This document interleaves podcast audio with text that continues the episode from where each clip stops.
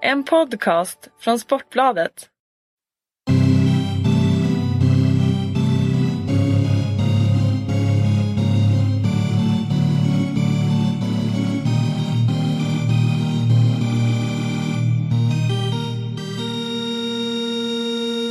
Hej och välkomna till en ny hockeypodd med mig Thomas Roos och eh, för detta hockeylegendaren Johan Garpenlöv, numera hockeyexpert på Sportbladet. Och jag tror inte jag ställt dig den, den frågan. Hur är det att ha gått från att vara hockeyspelare till att vara åsiktsmaskin som du är nu?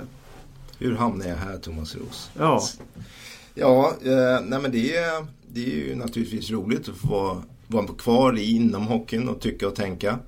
Eh, ibland är det eh, mer eh, roligt och ibland är det inte så roligt när man måste tycka och ta ställning till saker som man kanske måste göra mot personer som man har en nära relation med eller men vad får du ut av det? Vad, vad, får du för kick av det? Eller vad, vad är det som gör att du får tillfredsställelse av att, att tycka saker och ting? Nej, jag tycker det, det är en del i liksom det som jag hamnat i efter hockeyn. När jag, när jag slutade med att vara manager för Tre Kronor så var jag en som alla andra att jag måste hitta någonting att göra på dagarna. Då fick jag det här samtalet utav dig Thomas faktiskt om, om jag skulle börja skriva krönikor. Och så började jag där och sen liksom rull, rullade det på så jag hamnade i mediebranschen. Och så har jag testat på lite allt möjligt här i mediebranschen med expertkommentator och jag skriver mina krönikor och det blir lite eh, Sportbladet show med dig och, och eh, Breitholtz och Husse där och Valle på, på lördagar. Så att, eh, och i det så måste man ju tycka något. Man kan inte bara stå där och svamla. Man måste ju tycka något om situationer, om saker som händer, om lag, om tränare, om spelare och så vidare. Och det, det har jag inga problem att göra. Jag tycker det är ganska kul. Sen har inte jag något facit överhuvudtaget utan det är bara mina åsikter. Jag följer dig på Twitter och följer dig på andra sociala medier och, och eh, när, när Djurgården mötte Luleå så märkte jag att Luleås supportrar var ju irriterade på dig. Hur, hur känns det att få, att få skit av, av, av fans?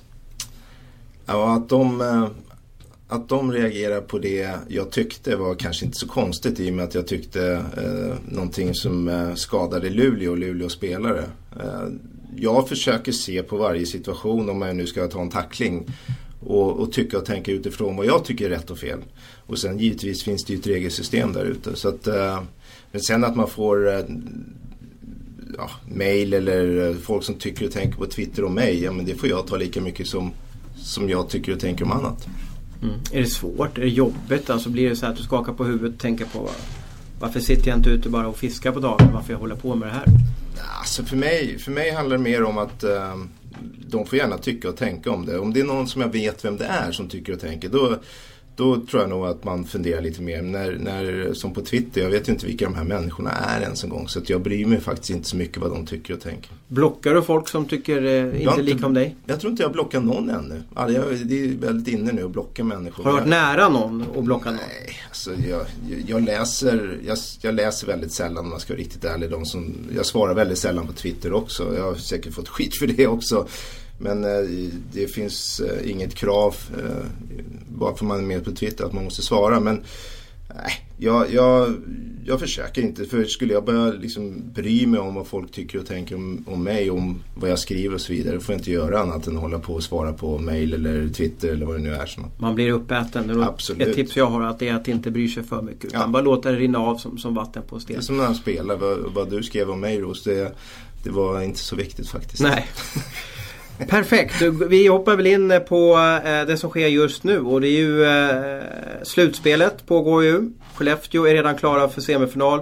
Och eh, jag tänkte vi skulle prata lite Luleå versus Frölunda. Jag var ju uppe i Coop Arena på onsdagskvällen och såg kvartsfinal 4 Mm. som Luleå vann med 3-1. Och när du ser på den här serien, vad är det som gör att Frölunda igen är på väg att åka ut så här tidigt?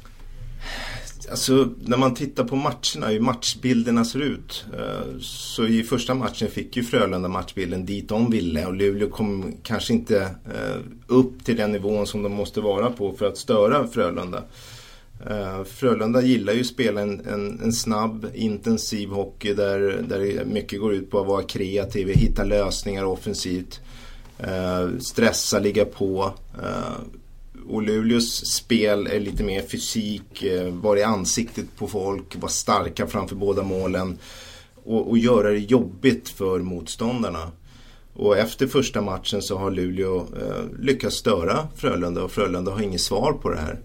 Eh, sen kan man väl säga en liten del. Hur menar du med störa? Vad, vad då? Hur störa? Ja, men du har spelare i Luleå som, som är i ansiktet på Frölunda spelare hela tiden och gör det jobbigt för dem. Ett slutspel när du möter samma lag hela tiden så blir det efter ett tag jobbigt att möta vissa spelare. Och klarar du inte av att eh, vad ska man säga, slå den spelaren eh, över tid i här, i den här matchserien. Att du ändå Eh, lyckas göra dina mål eller skapa offensivt. Eh, som till exempel Olimb och, och Jonsson, nu är han skadad. Men de måste producera även fast de har en, en motståndare i ansiktet hela tiden. Det är lite vad slutspel handlar om. Att, eh, att ta lite stryk, att även fast det inte går så bra eller är jobbigt så måste man ändå hitta vägar att göra mål och producera för sitt lag. Om man är den typen av spelare.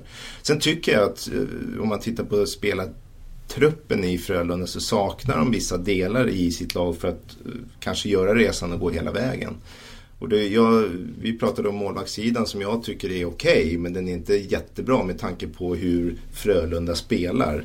För Frölunda är ett offensivt lag. De kommer ge upp lite chanser bakåt här och där och då måste du ha en, en målvakt som, som räddar de puckarna och gör de räddningarna som laget behöver.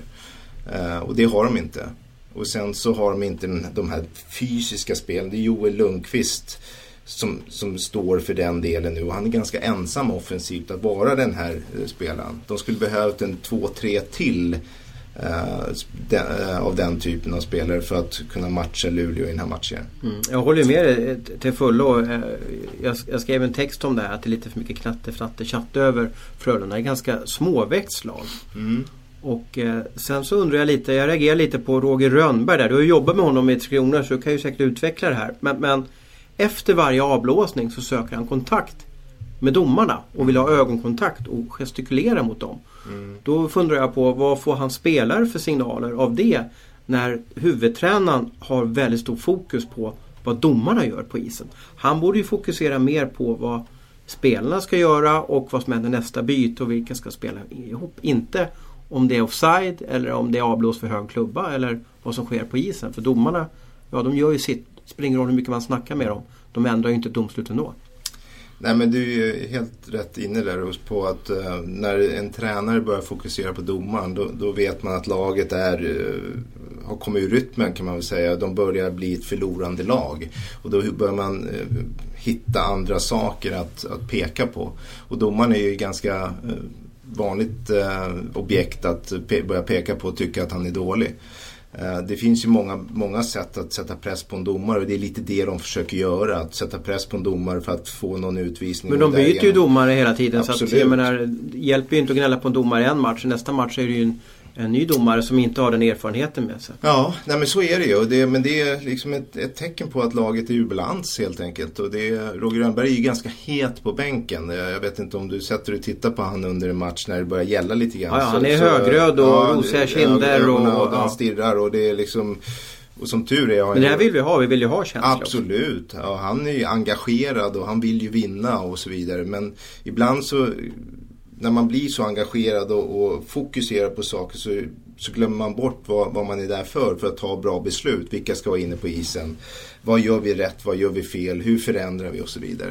Du var inne på att det var så jättebra att Växjö förlängde med Sam Hallam och att Frölunda förlängde med, med, med, med Roger. De förlängde till 2019 med Roger. Mm. Vad tror du Frölunda gör om de skulle åka ur nu mot Luleå? Nu är vi inte där ännu men tror du att de drar i handbromsen och börja se över sin tränarstab eller kommer de bara fortsätta sin linje, värva juniorer, köra på, på Rönnbergstuket? Uh, För det är andra året i rad nu om de åker ut, för de kommer tvåa och åker ur i kvarten. Ja, det är så härligt med dig Rose. Alla som åker ur kvarten ska sparka tränarna. Ja, Nej, men, jag, men, jag, men, lite så blir det ju faktiskt. Ja, fast jag tror man HV måste... rensade ju där när de åkte ut i kvarten för något ja. år sedan. Det är de här topplagen som får ett snabbt fall i slutspelet. De brukar inte kunna ta sig ur det gentemot fans och sponsorer. Bara för att det är så ett misslyckande att åka ut tidigt. Nej men om man tittar, eh, det är naturligtvis ska man, ska man se över vad, vad man har gjort och, och, om det har varit bra eller dåligt under säsongen och, och utvärdera säsongen, absolut, om de nu skulle åka ut. Eh, men om man tittar på Frölundas säsong så, så ser inte jag någon anledning till att sparka Rönnberg bara för att de åker ut i en kvart. Jag menar de gick till final i Champions Hockey League.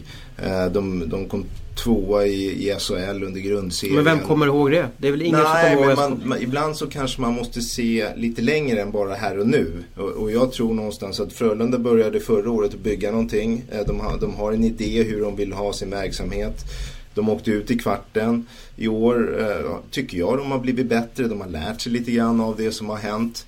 Eh, nu har de ett, tycker jag, lag på pappret som kanske inte är byggt för ett slutspel eh, fullt ut för att göra den här, hela den här långa resan. Och så hade de kanske lite otur att de stötte på Luleå i första omgången. Hade de stött så på passar ett... de illa ja. Precis. De... Det var ju, vart ju lite felrubbat när Brynäs slog Precis. ut Färjestad. Annars hade ju Frölunda sluppit eh, Luleå. Precis, då hade de fått möta eh, något annat lag. Jag kommer inte ihåg vilket det var i alla fall. Som, kanske, som hade passat dem bättre och då kanske de gått vidare. Så att, det är små marginaler när det kommer där. Jag, jag gillar ju det som Frölunda håller på med. Eh, och, och jag hoppas att Roger får vara kvar och liksom bli bättre och de bygger ett bättre lag som kanske är anpassat för slutspelet ännu bättre då. Mm. Frölunda hade fått möta Färjestad Ja. om, om allting hade gått som, som tabellen slutade. det, Men tror jag kanske- hade varit bättre för Frölunda. Nu, nu vet man ju aldrig hur det hade gått. Men jag tror det hade varit bättre för Frölunda. Vad ska Frölunda göra för att vända det här då? Det har bara skett tre gånger på 12 år att ett lag eh, vänt en, en 1-3 underläge i kvartsfinalen eller, eller i slutspelet överlag så att säga. Vad kan de göra? Ja, eh, nu har inte jag följt den här matchserien och sett varje match. Eh, nu, den senaste matchen som, som du var uppe och tittade på så, så kanske den största skillnaden i den matchen var målvaktsspelet. Lassinantti Mm. Gjorde de här avgörande räddningarna. Kanske byta målvakt där då? Ja, de kanske, nu vet inte jag hur... Jag tror att de velar väldigt mycket på målvaktssidan Ja, också mellan Johansson Och det är ju och ett tecken på att de inte har den här målvakten för att, för att göra resan. Eller kanske, ha, de har inte målvakten för att de kan, liksom, trots, eh, eller som är avgörande i en jämn match, så kan jag säga. Eh, för jag tycker många av de målen jag ser när, när Luleå spelar nu är, eh, ta, alltså det, det är inte otagbara skott. Sedan har de väldigt svårt att göra mål 5 mot 5 Frölunda. Jag såg att de bara gjort eh, två eller tre mål spel 5 mot 5 mot Luleå på hela den här kvartsfinalserien på fyra matcher. Mm. Och det är ju för dåligt. Och sen om man inte nytt, man hade ju flera lägen i powerplay på onsdagskvällen. Man lyckas ju inte nyttja även dem och då, då blir ju Luleå vinnare i alla fall. Ja, men, men alltså när du sitter och tittar, vad tänker du på när, i matchen? När du satt och tittade? Jag tyckte Luleå skapade lättare bra målchanser mot Frölunda-målet. Jag tyckte de kunde lyckas driva in mot målen. Målet, alltså motståndarmålet mycket enklare än vad Frölunda spelare. Och sen tyckte jag det som du har tjatat om förut som jag lite fascinerad av. Att jag tycker de ser lite mjuka ut i Frölunda. De vågar inte sticka in näsan där, där det är jobbigt. Utan det det ser lite bekväma ut också. Och så funderar jag på det här. Olimbe klar för KHL. Ryan Lash såg jag efter matchen satt och höll på med mobilen. Såg lite oberörd ut. Vad finns Frölunda-hjärtat? Vad finns Frölunda-kulturen i det här gänget? Den kanske inte finns. Kanske inte finns den här kärnan som ska driva dem mot eh, final. De, de saknar den typen av spelare i, i den gruppen. Nu gick ju Lasu sönder som kanske är en liten, eh, lite mer åt det hållet. Eh, så att de, de, de, de saknar de här jobbiga spelare som ger laget energi. Som kanske är skillnaden i de här täta, tuffa matcherna. Plus vågar och gillar att gå in framför motståndarmål, ta stryk och ta den här fighten med de här stora backarna eller backarna i Luleå. Att, eh, Och jag tycker inte de är så stora backarna i Luleå. Det är bara att de har en jäkla attityd så att säga. Va? Liksom. De, de, efter varje avblåsning är de där och trycker undan folk. Det är inte, jag menar Fantenberg är, är ganska stor. Erik Gustafsson är ganska stor och så vidare. Va? Men, men det är det, jag tycker att de har mer karaktär och attityd i Luleå än vad Frölunda-killarna har. Hur tänker man då som spelare när man, när man de har ju vilat nu och så har det blivit kvartsfinal och så ligger man under med 1-3. Man är alltså 60 minuter från att säsongen ska vara över. Tänker man inte så här någon gång? Ja ah, men vad skönt att vi förlorar. Då kan jag, då kan jag åka med frugan till Mallis eller något sånt där. Har man inte det någonstans i bakhuvudet att Ja vad fan ska vi lalla det här slutspelet en månad till? Ja. Nej, alltså jag kan inte svara för vad, vad andra människor eller vad andra hockeyspelare tänker. När det, men eh, när jag var i den situationen så är det ingenting man tänker. Man tänker på att vinna bara nästa match. Hitta en väg att vinna den matchen. För i de här slutspelsserierna så det här eh, mentala övertaget som Luleå just nu har. Det går jättefort att det skiftar över till eh, motståndarna. Och det är det liksom, de här matcherna går ut på hela tiden. Att liksom göra det man ska göra. Eh, behålla sitt spel men ändå störa motståndarna. få det här mentala övertag, göra det jobbigt för motståndarna. De ska känna att varje match är jättejobbig. Och kan du, kan du nå dit, lite som Luleå har gjort nu, då börjar de sakta men säkert checka upp sina motståndare. Men kan Frölunda hitta ett motdrag här nu? Eh, att de vinner nästa match. De, de kanske hittar någon, någon eh, del i spelet som gör att man, man kommer åt Luleå. Ja, då börjar de fundera och då kan de komma tillbaka i den här matchen. Så ingen, jag tror ingen i Frölunda har gett upp, absolut inte. Däremot om Luleå gör 1, 2, 3 mål mm. i, direkt här nu. Och det är bara 5-6 tusen i Skandinavium också. Ja, och det är jobbigt ja. och de har inte hittat något motdrag. Ja, då kan det bli så i slutet av matchen att man känner att nej, de, de är liksom de försöker, man kommer aldrig säga att de ger upp men man kan, man kan nog lite grann se det att ja, de var bättre än oss. De jag, ty jag tycker det blir fascinerande att se hur, hur Frölunda som organisation fixar det här om det blir andra året i rad. Och sen tycker jag SHL kan fundera på också eh, Frölunda har ju kommit tvåa i serien två år i rad. Tvingats då, eller fått förmånen eller vilka ord man ska använda, att möta ett play-in-lag. Det vill säga ett lag som har liksom spelat sig in i slutspelet. Mm. Och två år i rad så har alltså Skellefteå har ju krossat de här play-in-lagen. Ja. Men det är ju för att de är kanske en division i sin egen division i Sverige. Men Frölunda har ju åkt ur. Det är kanske är en stor fördel att komma liksom uppvärmda in i slutspelet. Nej, alltså jag vet. Det, jag, det, jag kan inte säga att det inte är så. För fjol så åkte de ut mot Linköping tro... och i år så är de på väg att åka Ja, mot jag har svårt att tro att det, att det är en fördel att spela play-in-matcher. Eh, än att som, eh, det kanske är det första matchen men sen är man inne i det igen. Det är, jag tror det är en större fördel att slippa de här play-in-matcherna. Och, samla, få skadefria spelare, kunna träna bra och så vidare. Så att i den här matchen så tror jag mer det handlar om att Luleå är, eh, är ett lag som inte passar Frölunda väldigt bra. Och Frölunda har inte hittat de här vägarna att, att straffa Luleå helt enkelt.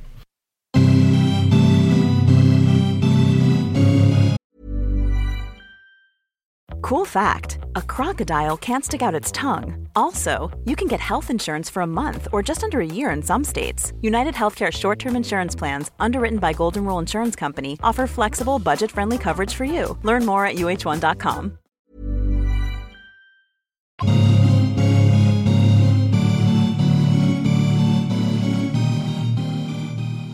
Över till däckkvalet och vi måste prata om Leksand och Malmö. Du pratade ju på Nordic Bets podd här att Leksand kommer aldrig vinna mm. SM-guld någon gång i framtiden. Mm. Och nu lyckas ju Leksand vända lite och nu har de ju hemmafördel igen. Vilket lag tror du Leksand-Malmö spelar i SHL nästa år? Jag tror att Leksand kommer göra det. Jag, jag, jag tippade så. Då måste ju matchen igår varit otroligt viktig för dem. Absolut, det var den ju också. Jag tror att alla i Leksand kände också att eh, så här efteråt pustade ut lite grann och att de hade fått den här vinsten. De har ju inte vunnit, de har 14 raka förluster. Och när du, när du väl förlorar mycket så hittar du vägar att förlora. Du har, ing, du har ett bräckligt självförtroende. Det, det behövs inte mycket för att du ska börja vackla i matcherna. Uh, och nu har de den här vinsten och det gör ju naturligtvis inte att de har bra självförtroende på en gång men det är någonting som, som kommer stärka Leksand att de känner att de, de kan vinna matcher mot uh, Malmö. Och, och tittar man på spelartrupperna så har ju Leksand ett bättre material. Det är inte konstigt att det, att det är så jämna matcher. Matchen på, på onsdagen här gick ju till förlängning. Ja. Och, och, den första matchen blev ju uddamålsseger för Malmö. Jag tror ju min, min, min hockeybok att det ska vara större skillnad mellan SHL och Allsvenskan. Men det verkar ju inte vara det för så här är det ju varje år. Varje kvalserie som jag bevakat så är blir det ju jämna matcher. Varför är det inte större skillnad? Skulle det här vara en match eh, där, där man inte har någonting att spela för? Eh, att man, eh, att man eh, vad ska jag säga, eh, bara möter varandra i en träningsmatch och inte behöver bry sig om något. Då skulle Leksand, tror jag, var klart bättre än Malmö. Men det är nerverna, rädslan. Leksand spelar för hela föreningen. Hela bygden, eh, hela, hela bygden. De spelar för folk som jobbar inom Leksands organisation, deras jobb. Eh, du har liksom ett tryck på dig att prestera och vinna. Och det är jobbigt att spela med och det, ser, det är det vi ser varje år. Eh, vi ser spelare som är otroligt skickliga bli totalt anonyma, vita ansiktet och klarar knappt slå en passning i en kvalserie eller ett direktkval. Och det är det det, är liksom det det handlar om för de här SHL-lagen. Efter matchen eh, på onsdagen där i Malmö Arena så var ju eh, Leksands tränare Joe Robert förbannad på att de som i sekretariatet hade, eller rätt sagt de som skötte mediakuben snurrade eh, fördelaktiga bilder för Malmö under matchen, det vill säga någon tacklingshändelse och så vidare. Men är inte det helt okej? Okay? De som är hemmalag ska väl ha ett fördel att vara hemmalag? Jag tror att eller det fanns förut en regel, Regel, på ja. hur många gånger man får visa en, eh, en sekvens. Uh, alltså, det, jag, jag tycker också det. En, en hemma, ett hemmalag ska ha en fördel att vara hemma. Det är därför man spelar hemma. Man har publiken med sig, man har TV-kuben med sig Mm. eller jumbotronen med sig och man kan slänga upp vad som gör, liksom får igång sin egen publik. Sen kan man ju diskutera om man får visa det fem gånger eller om man ska visa det två gånger eller tio gånger. Mm. Det är en annan sak. Men, men jag tycker att man ska få visa saker som sker på matchen. För det är lite det man saknar När man är eh, på när man är på arenan. Sitter du hemma i TV-soffan får du se repriser från alla möjliga håll och vinklar. Men när du sitter i arenan får du knappt se en repris. Och, och där tycker jag man ska liksom, ja, visa den två, tre gånger så att liksom alla kan bilda sin uppfattning om det. Det kommer naturligtvis, om det drabbar hemmalaget, skrikas en del. Men det måste vi kunna ta i, i den här. Och det engagerar ju, det skapar ju känslor.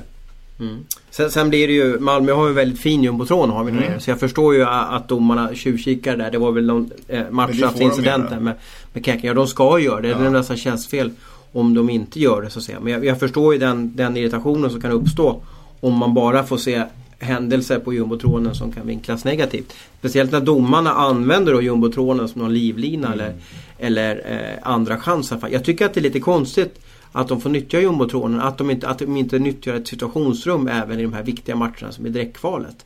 För det blir ju liksom då återigen om de ska kolla på jumbotronen och kolla vad var det för tackling. Och kommer inga bilder där, då friar man ju till slut. Ja, då, har de ingen val. Då måste de ju eh, bedöma situationen efter vad de har sett, de här fyra domarna. Så att, och det, det, om de inte har ett situationsrum så, så kan vi inte stå och skrika om det. Sen kan man ju diskutera om, om de ska kunna använda det i ett direktval eller inte. Ja, om det finns där och de kan hantera det, ja varför inte säger jag.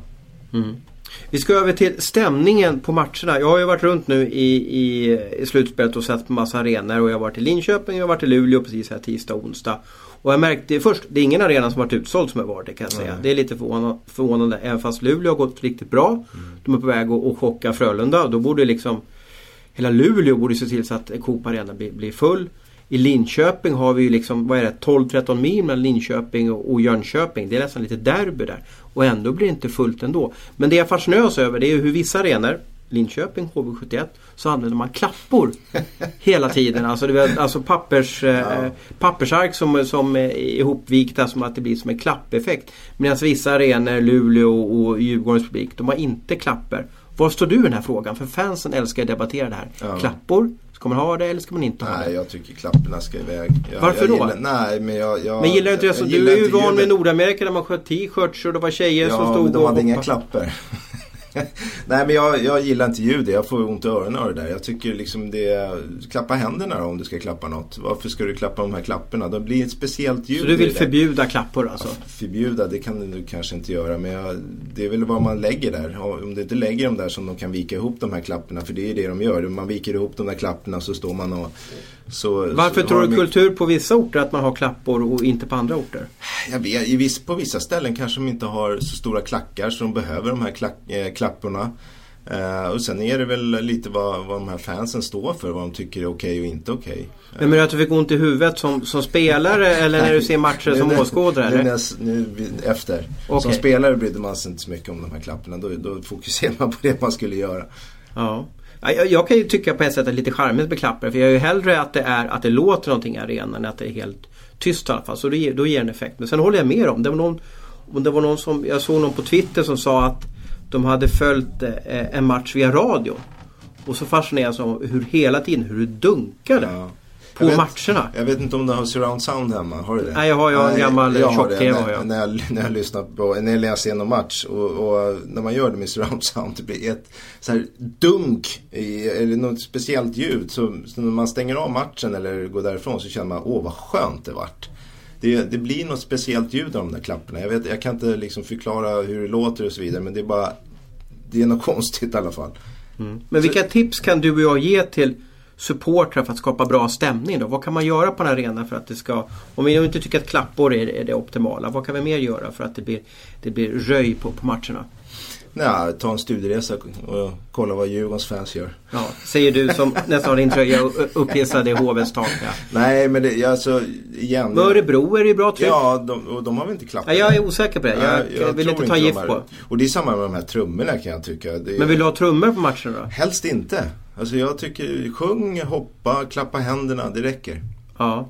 Leksand har ju en trumma som de får mycket kritik, på, mm. kritik för. Det blir det här dunkande, malande ljudet. Ja, som... men det är för att man ska hjälpa till med takten. Blir det inte så? När man, ska liksom, man vet om när man ska klappa i alla fall. Ja, men Dalarna med alla fioler och folkdans. Alla har väl takten där uppe. Ja, jag tycker, men jag tycker, ja, men jag tycker trumma och klappor det är på något sätt, alltså jag vet inte, det är ju hjälpmedel för att få igång stämningen i alla fall. Så det är väl, det kan, sen vet jag inte, skandinavier har de klappor där, vet du det? Vi kommer säkert få se på Twitter. Efter. Ja, vi har, jag tror inte det att de har klappor där. De kan säkert ha haft någon match men de har inte det varje match, det tror jag inte. Utan de har ju sina goa gubbar där i hörnan. Eh, du har några punkter nedskrivna som du vill prata om och, och, under de här punkterna vi ska prata om så jag tänkte att efter och sen ska du få berätta ditt, ditt bästa rookie-middag-minne från Nordamerika. Men eh, när du funderar lite på det så, så vet jag att du har någonting som du vill prata om eh, i den här podden i alla fall. Något som har kanske fascinerat, fascinerat dig. Kan det vara kanske eh, serien upp till Hockeyallsvenskan ja. där AIK faktiskt håller på att rädda sig kvar och att Södertälje är nära att ramla dit? Ja, vi måste ju nästan... AIK har gjort det bra så här långt i... Eh... Fast det är ju Panten och Sundsvall så att jag menar, vi kan inte säga att de har gjort det bra va? Alltså, Nej, okay, ja, men liksom. de har i alla fall tagit poängen. Mm. Jag menar Södertälje mötte ju Panten och förlorade mot Panten så att eh, Södertälje ligger lite risigt till måste vi säga. Och jag igen, eh, jag hejar ju inte på Södertälje på något sätt. Men, men för, nu har jag fått eh, påpeka att Södertälje tillhör inte Stockholm. Mm. Men det, det, är en del av Stockholm i alla fall. Jag, eh, eller ligger nära Stockholm ska vi säga. Stockholmsregionen, Stockholmsregionen får jag säga. Precis. De har ju också 08 de, som riktnummer i, även i Södertälje. Ja, de har ju det. Mm. Alltså, jag tror eller, det är viktigt att de spelar i Hockeyallsvenskan och inte sjunker ner till eh, division 1. Så att, Ja, jag hoppas att de nu kan vinna några matcher, ta sig över det här strecket och hamna på ja, minst fjärdeplatsen. Vad är det som har gjort tror du att AIK har klarat av det här bättre än Södertälje hittills den här kvalserien? Alltså jag tror den där första matchen betydde väldigt mycket mellan Södertälje och AIK. När de mötte varandra. Ja, de mötte det var nästan, varandra. det var många som sa det att det här schemat var gjort för AIK. Ja. För de mötte Södertälje på hemmaplan. Eh, och, och, och vann den matchen. Då fick de ju en bra resa, en bra start. Södertälje ja. däremot var ju nästan tvingade att vinna nästa match eller näst, nästa match och så vidare. Och de har ju inte riktigt fixat det här. De ligger ju näst sist när vi bandar den här podden ja, i alla fall. Det, det gör de. Sen är det ju en, en hel del matcher kvar. Men, men uh, jag bara känner att uh, Södertälje är viktigt här för Stockholmshockeyn och, och, eller Stockholmsregionen. Och uh, de måste ta sig över det här strecket. Så att uh, på något sätt måste de hitta vägar att vinna matcher. Jag har ju inte sett någon match ännu och jag, vet, jag har inget förslag på vad de ska göra annorlunda mer än att uh, du har nog det där mentala. Du har, en, du har föreningen. Klassiska, eh, klassiska kvalserien. Eh, du har en hel förening på dina axlar. Du uh, möter de här lagen där, där de har allt att vinna när du möter dem. Så att, men på något sätt måste Södertälje då få ordning på det här och, och vinna matcherna. Nu är ju alla eh, spända där ute i, i eten och undrar vad är ditt bästa rookie-middag? Minne då? Vad är en rookie-middag? Kan vi berätta det Ja, en, en rookie-middag är ju, eh, det handlar ju mycket i NHL då tänker du på? Ja, ja i Sverige äh, har vi väl inte nej, riktigt sådär Nej, inte va? på samma sätt. Man har ju så inkilning i Sverige. Det var ju populärt ett tag. Jag vet inte om det finns kvar faktiskt. Jag tror att det är mycket mer light-versioner idag. Den det, känslan får jag. Att ja. det kunde balla ur tidigare men nu så är det väldigt rumsrent tyvärr. Då. Ja, det är kanske är bra också ibland. Mm. Eh, men, men eh, mitt, eh, det är ju de nya spelarna som, som tar sig in i de här NHL-trupperna. Bjuder hela laget på middag. Då, det här är oftast i samband med en bortamatch, är det inte så man gör? Bortaturné, man är iväg någonstans, man har någon dag ledigt och då går man ut till exempel i Phoenix om man nu reser iväg dit. Du menar lite eller, varmare och trevligare ställen? Man, man, går ofta, eller Los Angeles eller New York eller Florida. Man, man passar på när man är iväg på de här lite roligare ställena att göra det här på. Eh, den roligaste... Och det här kan bli dyrt, visst är det så? Va? För, ja, för ja, ja. det här kan kosta massor med pengar. Men det har ju stigit med att eh, lönerna stiger så mycket. Så de här spelarna de får faktiskt, jag har hört summor på 20, mellan 20 och 30 000 dollar för en middag. För det är inte så att Jaromir Jagr om han är med i laget, det är inte så att han dricker liksom Cola Zero på den här middagen utan han beställer väl in det dyraste vinet. Ja, det är det det lite går ut på. Det kan bli lite larvigt ibland att man tar fyra förrätter, de dy bara det dyraste. Man tar det dyraste vinet, eh, man dricker eh, den dyraste konjaken, man dricker... Mm. För att man ska grisa bara lite? för att alltså. man ska liksom ja, grisa iväg och, och liksom, det ska bli dyrt. Vad kostar din rookie-nota? Jag hade ju, nu ska vi se, jag tror vi var rätt många nu. Vi hade i Los Angeles, eh, det var så länge sedan och vi hade det här precis börjat och vi tjänar ju inte alls de här pengarna. Så att det, jag, jag för mig att det inte varit jättefarligt. Eh, någon tusenlapp eller vad säger tusen, tusen dollar, 1500 dollar kanske per person. Men det var väl helt okej okay, i alla fall? Ja, det, det klarar man sig på. Men sen måste du varit med på många, när du varit på andra sidan av bordet, när du är den som får... Ja. Får, och, och de ska väl gärna uppträda och göra någonting korkat eller bjuda på sig själv Brocke? Ja, det är lite olika vilka lag man är i. Eh, det, den konstigaste som jag var med om det var i Edmonton faktiskt. Det var ingen, då, då fick Men vi, eh, ni var med, vilket lag jag var? Jag tror det var San Jose. San Jose och ni spelade borta mot Edmonton? Borta alltså. mot Edmonton. Vi hade någon dag ledigt efter. Vi, vi, I Edmonton? Det låter i, som ett fel ställe att vara fel på. ställe att vara på. Precis. Vi, det finns en restaurang som heter Highs i alla fall. Uh, har jag för mig att det var i alla fall. Och då abonnerade vi hela källan. Och vi liksom dukade upp borden där och, och vi började äta och vi beställde in och det bara... Och vilka var i San Jose då? Var det Macca då? Eller ja, tiden där, de kan ha varit med. Uh, nu vet inte jag om de var med hela middagen. När vi, för det som hände på slutet var att alla var uh, rätt påverkade för man dricker ju rätt mycket. Uh, och sen så var det faktiskt matkrig där källan. Mellan femmorna då eller vad var det? Nej, det var, det, började, det var någon som började. Vi satt liksom som ett U så här och så var det någon som hamnade i någon, någon typ av, om det var en diskussion. Eller det var någonting så kastades en sån här bulle eller ett litet bröd och sen Aha. så började det. Så att de det låter faktiskt... som lite roligt fast ja, lite, det, lite grabbigt kanske. Ja det var lite grabbigt och det var ingenting som var planerat utan det hände nog bara med. Men så du kastade en fläskkotlett på, på någon lagkamrat? Det, det som alltså. man hade där. Det, det flög. Så det var krig och man gömde sig bakom stolar. Och det var faktiskt eh, när man väl såg det efteråt så kände man sig wow det här ser inte bra ut. Så det, Men kom det ut i media nej, och blev upptäckt av frugan? Och så nej, liksom? nej, nej. Det kom inte ut något i media utan det var någon som fick komma in och städa det. Det fick vi betala för det naturligtvis. Det så det var inga konstigheter med det. Men det kanske inte var så moget. Men det är också viktigt att kunna få vara lite larviga ihop sådär i, i, i en pojkgrupp för att få lite sammanhållning och lära känna varandra på annat sätt. Att inte bara ha tråkiga och stela i ett omklädningsrum. Ja, det är ju lite det de här middagarna går ut på när man går ut. Man, man vill ju umgås. Och det är ju bra i NHL. Det är ute och reser med laget jättemycket. Du går ofta ut och äter på restauranger. Du har inte kanske matkrig varje gång. Men, men du, du är ute en hel del med dina lagkompisar. Du vill lära känna dem på ett bra sätt. Så att lagsammanhållningen i ett NHL-lag uh, eh, är ganska lätt att få faktiskt. Sen kan det alltid finnas klickar och grupper eller spelare som inte gillar varandra. Men, men i det stora hela brukar man ha en väldigt bra gemenskap. Bra svar. Det här matkriget i Edmonton har jag aldrig hört talas om i alla fall. Det kan nog bli en bra rubbe på någon sajt. Det finns många saker som inte du vet om vi, får, vi får ta det i flera poddar. Innan vi avrundar så Aftonbladet eller Sportbladet har ju eh, en plats i juryn för Stefan Liv Memorial Trophy. Mm. Alltså MVP-priset i slutspelet.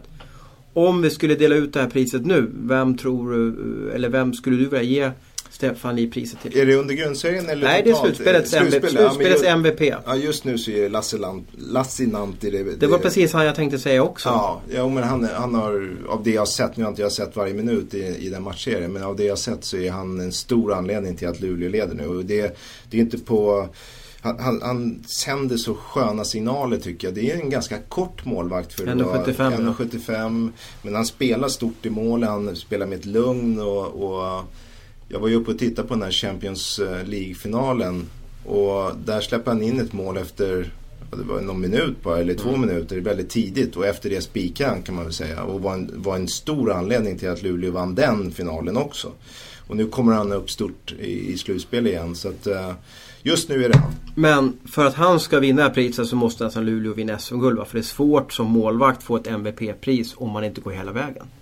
Ja, det, det är en målvakterna i ishockey, eller egentligen alla lagidrotter, är ju en viktig del till att vinna någonting. Och, eh, och åker du ut en kvart eller en semi så är det väldigt svårt att få MVP-priset eller bäst, bli vald till bäst målvakt. Så att det kommer ju bli någon av finallagen och oftast är det det, det lag som vinner som den målvakten, ja, han får ju. Mm. Det var väl Jocke Lindström som fick i fjol om jag minns rätt i alla fall. Annars så tycker jag lite elakt mot Skellefteåspelarna för det, de nämns inte riktigt. När man pratar om vilka som varit bäst hittills i slutspelet. De har inte förlorat en match. Nej. Och ändå så är Andrew Calof har gjort 6 poäng på fyra matcher och ändå så, så nämner inte vi hans namn egentligen. Liksom. Nej, Utan, för vi tycker att han liksom bara, ja han är där och gör poäng men han är inte MVP. Ja, fast MVP ska vi ta ut efter hela slutspelet och det kommer ju hända så mycket. Nu har de ju fått en ganska, eller nu fick de ju en väldigt enkel inom parentes, eh, kvartsfinal. Vi får ju se efter nästa omgång vad, hur Kan hur det ser ut. Kan bli Luleå, det. Skellefteå och Luleå. Kanske inte lika lätt, kanske inte lika många poäng som görs. Eh, och då kanske de här killarna faller bort och då står vi och undrar var de är någonstans istället. Jaha, bra. Vi ska bara avrunda här men eh, som vanligt måste vi få veta vad du ska hitta på för något i, i helgen. Eh, Du var på båtmässa ska- förra... Förra, förra Ja. veckan, ja, det som händer, vet du vad det är? Nej. Jag fyller år på, på lördag. Fyller år? På lördag Jaha, år. då har ni stor fest då? Alltså, bjuder du Nej, jag ska jobba. Du ska jobba, just det. Sportbladet Du är född 68 så du fyller 47 år alltså. Japp. Hur känns det då? Har du liksom ångest för att fylla år? Har du kommit till en sån nivå eller? Nej. Jag, jag, blir, jag mår bara Men delar ni ut julklappar så, så din fru kommer med... Nej, eh, presenter. Delar ni ut alltså? Du, har du en morgongåva Ja, när du vaknar morgon, ja, ja, vi kör lite på morgonen där. Har du, Men, skrivit, alltså, är- det, har du skrivit en önskelista då så att säga? Jag vill ha ett Sonos ljudsystem. De frågar vad jag önskar mig och vet du vad jag önskar mig? Nej. Jaktkläder. Jag ska ju ta jägarexamen här. Du börjar bli gubbe, vet du det? Nej! Jackkläder alltså? Ja. Så det här med lite Jag- spräckligt och ja, grönt måste och svart se ut och så. som en, ja precis. Gömma mig i skogen. Då måste jag ha grejerna. Ja, ja, ja, men det är väl en Man bra ska aldrig fall. fallera på materialet. Köpte du någon båt på båtmässan då? Nej, jag har varit sugen på en båt. Vilken då, då för båt? Anatech. Är det, vad så är det en sportbåt Ja, det eller? är en sån här eh, aluminiumbåt. Okej, jag- en, en bruksbåt Ja, alltså? en väldigt... Tråkig eh, båt alltså? Ja, en häftig båt. Den går utav bara den. Man behöver inte sköta om den. Det är bara att ta högtrycken och spola av den. Varför köpte du inte då? Nej, för jag har en båt nu. Jag måste ju sälja den och sen så... Jag ska alltid köpa en ny båt på båtmässan i och för Mhm. sig. Och alla möjliga båtar ska jag köpa. Men eh, det brukar oftast bli att jag har kvar den jag har. Lysande, lycka till med Vad båtköpet. ska du göra helgen? Ja, vad ska, jag ska jobba med dig på lördag då. Ja. Och nu börjar det på snurra, snurra i huvudet här. Jaha, du fyller år när vi spelar in. Så då undrar om man ska köpa någonting eller om du ska Jag tar välja. med en tårta. Du får ta med en tårta ja. Ja. I övrigt så helgen som vi jobbar lördagar så tycker jag våra helger blir ju inte så långa. Nej. Det blir att man jobbar och sen på söndag vaknar man upp och är lite sliten. Eh, och då är man bara typ bara inne känner jag. Man gör inte så mycket. Nej. Men sen ska jag ut och kolla till slutspelshockey måste jag göra. Sen ser jag fram emot eh, match eh, tre. Leksand-Malmö uppe i Tegera Arena på lördag. Den blir en höjdare. Mm. Den blir otroligt viktig. Jag får se om Leksand tar med sig någonting av eh, vinsten senast. Bra jobbat och, och vi syns på lördag Garpen. Ja, det gör vi.